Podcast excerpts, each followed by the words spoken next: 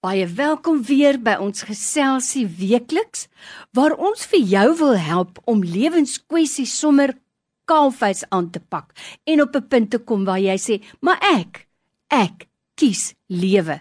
Die gas in die ateljee vandag weer is Dr. François Swart.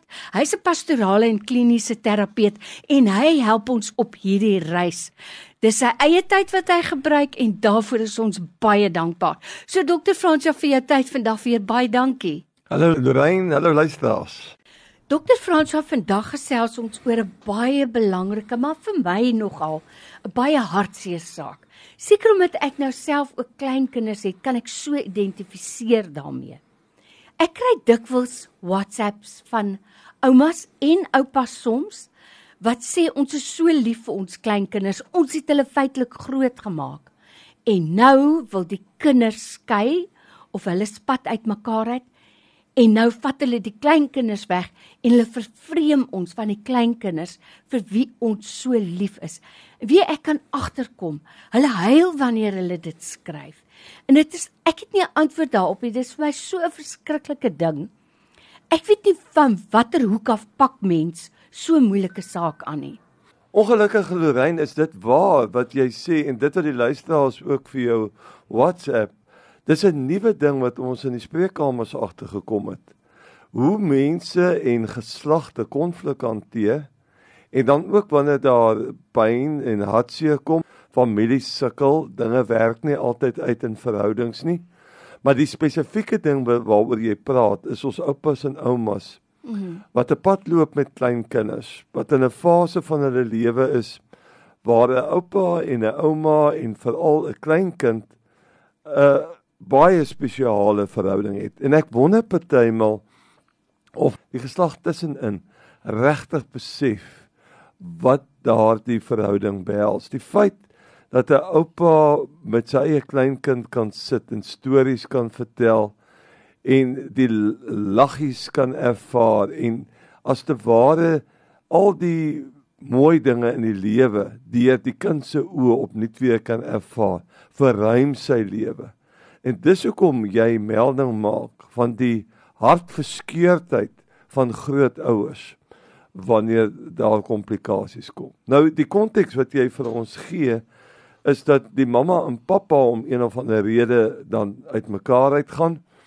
Nou die eerste ding wat ons weet en dit lê so 'n bietjie van die punt af, maar in egskeidings is dit baie belangrik dat ons sal onthou kinders tot en met 18 wanneer pappa en mamma skei, kinders is geneig om dit te internaliseer. Dis die groot woord. Hulle dink die rede vir die egskeiding is hulle skuld. Ai. Hulle kan nog nie mooi uitdink en weet presies al die argumente en om alles in konteks te sien nie en dan dink hulle daar's iets fout met hulle. Dit is die eerste ding wat baie hartseer is. Die tweede ding is wanneer daar kinders is, daar's grootouers betrokke en jy gebruik dan hierdie geleentheid om as as die pappa en mamma wat skei jou eie frustrasie uit te haal op die res van die gesin. En dit is net klein kom en weg wreed. 'n mm. Mens doen dit nie. 'n Mens moet altyd respek hê vir verhoudings en veral as dit kom by jou kinders en die wonderlike effek wat 'n goeie oupa en ouma op 'n kind kan hê, moet 'n mens dit koester. En die ander voordeel is baie van ons pappas en mammas wat dan nou skei werk en dit is goed om 'n oupa en 'n ouma te hê wat vir jou ook kan help om die kinders nog groot te maak. Hoekom vreem jy jouself dan van hulle? En dit word baie keer deel van eintlik die goed wat verkeerd geloop het tussen die pappa en mamma en nou probeer hulle mekaar boikot met hierdie soort van gedrag. Die groot verantwoordelikheid wat ouers het wat skei is om na die kinders toe te gaan en te kom sê een ding moet julle weet julle pappa en julle mamma is baie lief vir julle. Mm. Hulle moet die heeltyd dit hoor. Ja. Ek en mamma kom nie meer reg met mekaar nie. Maar hulle moet die kroon op mekaar se koppe hou in terme van die moederskap en die vaderskap. En dit behoort ook deurgepraat te word na die grootouers toe. Dis pappa en mamma gaan uitmekaar uit, maar oupa en ouma sal altyd daar wees. En pappa sal ook altyd vir jou daar wees en andersom mamma sal daar wees en die ander oupa en ouma sal ook daar wees. Dis dit vra eintlik vir volwassenheid. En as jy regtig agterkom dat 'n persoon gebruik hierdie soort van verhoudings om vergelding te soek, om sy bitterheid te toon, om 'n boikot strategie te hê, moet met 'n mens kyk. Veral as jy 'n vriendin is en jy kyk na hierdie situasie, moet jy gaan kyk wie is die mense wat 'n hou vas. Die Engelse praat, wie is die grootste influencer? Die een wat die meeste uh kan inbeweeg in daai persoon en kan sê, "Maar weet jy, ek wil met jou 'n gesprek hê." Hoe hierdie ding besig om uit te speel in julle familie, dit wat tussen jou en jou man verkeerd geloop het. Dit is nie reg nie. Moet jy nie dalk met 'n professionele mens gaan praat daaroor nie? Is jy nie dalk besig om sekere speletjies te speel nie? En dit moet stop, want op die ou end trek die kinders en natuurlik die oupa en ouma mm. aan die kortste end. En vir al ons ouer mense kan baie maklik gevoel word uh, maar hulle word geboelie ook in hierdie situasie. En weet jy jy het dit nie nodig uh, op jou ou dag nie.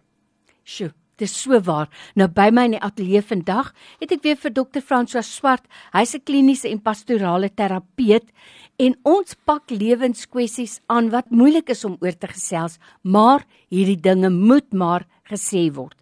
Dokter Franswa, dit is so waar. Iemand het eendag gesê wanneer twee olifante beklei, is dit eintlik maar die gras onder hulle voete wat die swaarste kry. En dit is ja. maar die kinders in hierdie verhouding.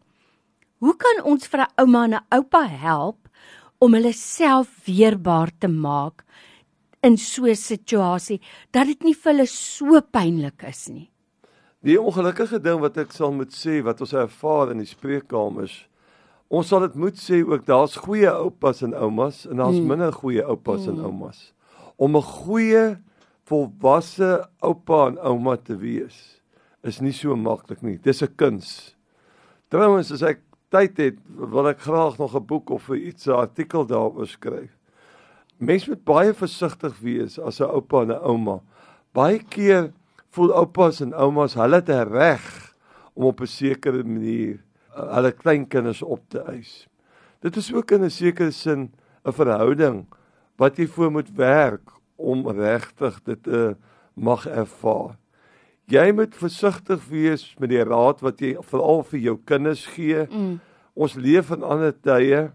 'n Mens moet versigtig wees om skoorsoekend te wees. En daarom probeer om baie neutraal te wees en nie verskriklike raad aan die kinders te probeer gee nie. 'n mens kan wat die ouers aanbetref, dis belangrik dat hulle ook gaan na professionele persone toe want hulle het eintlik ontlonting nodig. Mm. Hulle word getraumatiseer in daardie situasie. Die tweede ding sou wees soos wat dit deur al die fases in ons lewe is, ons moenie ons identiteit bou rondom ons man of ons vrou of ons werk nie of ons identiteit bou rondom ons oupa en ouma skap nie. Ons geluk lê nie net in die feit dat ons 'n mm. oupa en 'n ouma is nie. Mens moet altyd sorg dra dat daar meer as een ding is wat geluk bring in jou lewe, wat jou lewe vervul. Dat as die een ding wegval om een of ander rede, dan het jy iets om op terug te val. Dit is nou wyse woorde, so waar soos altyd. Dokter Franswa wat ek wegvat vandag uit hierdie gesprek is dat ouers moet besef dat hulle verantwoordelikheid het teenoor hulle kinders om wanneer die onvermydelike dalk gebeur en hulle spat uitmekaar dat hulle steeds die kinders se belange eers te stel. En dan vir oumas en oupas om ook hulle lewe vol te maak met meer dinge as net om 'n oupa en 'n ouma te wees. Dit is so waar. Ek dink ook hulle sal beter geselskap wees in hulle eie portuïergroep met mense wat dalk nie kleinkinders het nie. Maak vir my baie sin. Vir jou tyd vandag Dr. Frans, ons waardeer dit. Dankie. Baie dankie. Sterkte vir die oupas en oumas en geniet tog die kleinkinders terwyl jy hulle nog het. En onthou jy kan gerus gaan loer op die webtuiste www.myhulp.co.za. Ons potgooi is daar en daar's heerlike inligting vir jou om deur te werk. Tot volgende keer, totsiens.